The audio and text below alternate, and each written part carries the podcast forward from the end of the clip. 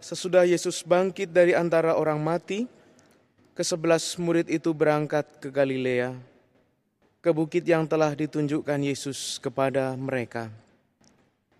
Ketika melihat dia, mereka menyembahnya. Tetapi beberapa orang ragu-ragu. Yesus mendekati mereka dan berkata, Kepadaku telah diberikan segala kuasa di surga dan di bumi. Karena itu pergilah jadikanlah semua bangsa muridku, dan baptislah mereka dalam nama Bapa dan Putra dan Roh Kudus. Ajarilah mereka melakukan segala sesuatu yang telah aku perintahkan kepadamu.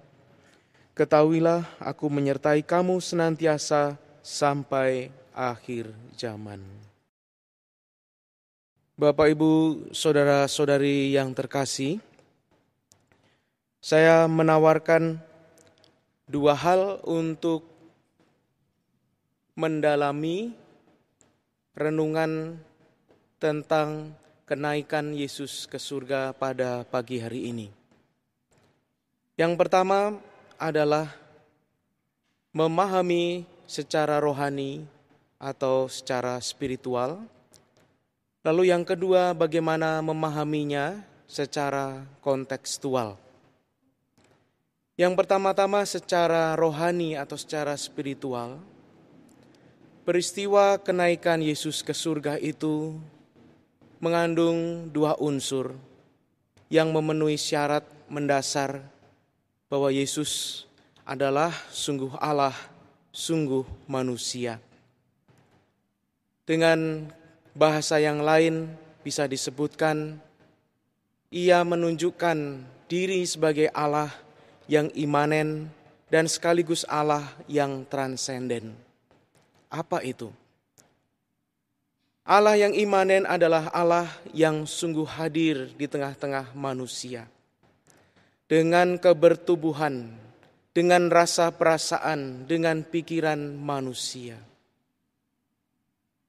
Awal sejarah keselamatan sudah dimulai sejak Perjanjian Lama. Di sana Allah memang hadir melalui perantara-perantara, orang-orang kepercayaannya, para nabi, para hakim, dan seterusnya. Lalu, dalam peristiwa kelahiran Yesus, kemudian bagaimana Yesus mulai berkarya, itu mau menunjukkan bahwa Allah sungguh hadir tidak lagi dengan perantaraan orang-orang yang dipercaya, tetapi justru dengan perantaraan putranya sendiri. Ia yang imanen berarti ia yang sungguh berada di tengah-tengah kita. Kalau dalam perjanjian lama kita menyapa Allah begitu jauh, ada jarak, ada se sesuatu yang terbentang sehingga kita bisa begitu terengah-engah untuk memikirkan di mana dia. Tetapi dengan kehadiran Yesus, kita sungguh merasakan bahwa Ia hadir di tengah-tengah kita. Dengan kehadiran Yesus, jarak itu dipangkas, sehingga kita pun boleh menyapa Allah sebagai Bapa. Lalu apakah arti bahwa dia itu sesuatu atau Allah yang transenden? Allah yang transenden berarti Allah yang melampaui dunia ini. Kuasanya mengatasi langit. Kuasanya meliputi surga dan dunia. Karena itulah kita senantiasa menyapa Tuhan dengan sebutan-sebutan yang besar, sebutan-sebutan maha, maha agung, maha kekal, maha kuasa, maha bijaksana. Sebutan maha ini mau menunjukkan betapa dia sungguh tak terjangkau, betapa dia sungguh agung, betapa dia sungguh luhur, dan kita sebagai manusia sungguh kecil sebagai ciptaannya dengan kehadiran Yesus, apalagi dengan peristiwa kenaikannya ke surga, kita diyakinkan akan dua hal. Ia sungguh imanen, ia sungguh transenden. Dengan melihat Yesus kita tahu Allah memang sungguh agung. Allah memang sungguh sangat besar tetapi sekaligus ia sungguh sangat dekat. Sedekat kita menyapanya di dalam doa dengan hati kita masing-masing, dengan kerinduan di dalam batin kita masing-masing. Lalu kerangka yang kedua bagaimana memahami ini secara kontekstual adalah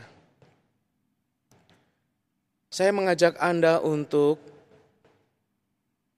melihat kalau Anda suka film seri. Kalau Anda suka drama seri, sekarang ini orang begitu gandrung dengan drama Korea. Ada serinya, ada kelanjutannya, dan yang bisa kita perhatikan dari kisah bersambung ini adalah yang menjadi tokoh utama untuk beberapa saat tidak muncul. Tetapi kisah tidak berhenti di situ saja. Kisah berlangsung terus. Kenaikan Yesus ke surga ini, kalau saya mau memparalelkan dengan film atau drama yang berseri ini, adalah sebuah cara untuk menunjukkan saudara-saudariku, sekarang peran utama bukan lagi Yesus Kristus, tetapi peran utama adalah para murid. Kemudian orang-orang percaya yang membentuk sebagai paguyuban umat beriman yang perdana waktu itu. Lalu dilanjutkan dengan gereja-gereja perdana. Lalu kalau kita membaca secara sejarah gereja, Kisah keselamatan itu berlangsung sampai dengan saat ini kita merayakan perayaan Ekaristi sekarang. Ada kesinambungan. Kehadiran Yesus tidak lagi secara fisik, tetapi misinya, kisahnya terus dilanjutkan dan tidak akan pernah berhenti. Itulah yang dimaksudkan dalam bacaan Injil tadi, supaya pewartaan kerajaan Allah senantiasa dilanjutkan sampai kapan pun. Itu berarti sampai dengan dunia ini berakhir, kerajaan Allah akan tetap terus digemakan. Lalu ke mana Yesus Kristus? Secara kitab suci, bahasanya sangat indah sekali dan ini adalah bahasa sastra. Ia duduk di sebelah kanan Allah yang maha kuasa. Itu berarti ia tidak meninggalkan kita.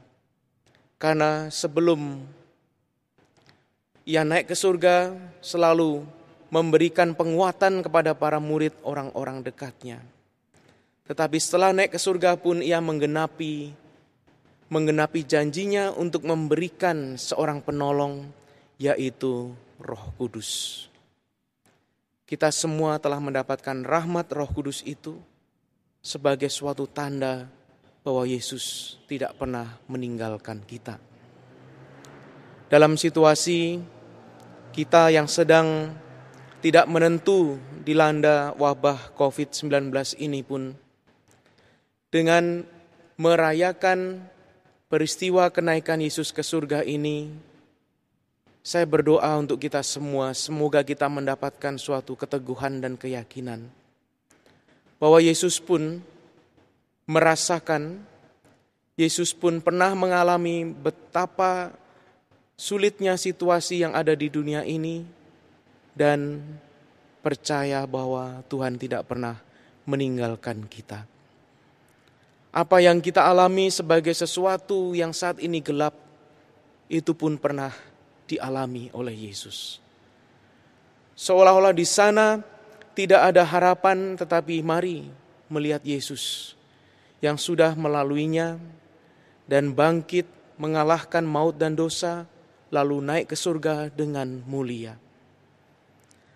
Kita tidak pernah sia-sia mengikuti Dia, karena betapapun berat yang kita alami saat ini, semuanya sudah pernah dialaminya. Yesus senantiasa hadir di dalam kehidupan kita, di dalam hati kita, di dalam doa-doa kita, di dalam karya-karya kita untuk memperjuangkan segala sesuatu menjadi lebih baik lagi. Semoga bacaan-bacaan dan renungan tentang Yesus yang naik ke surga ini menguatkan kita semua di masa-masa sekarang ini. Tuhan memberkati kita semua.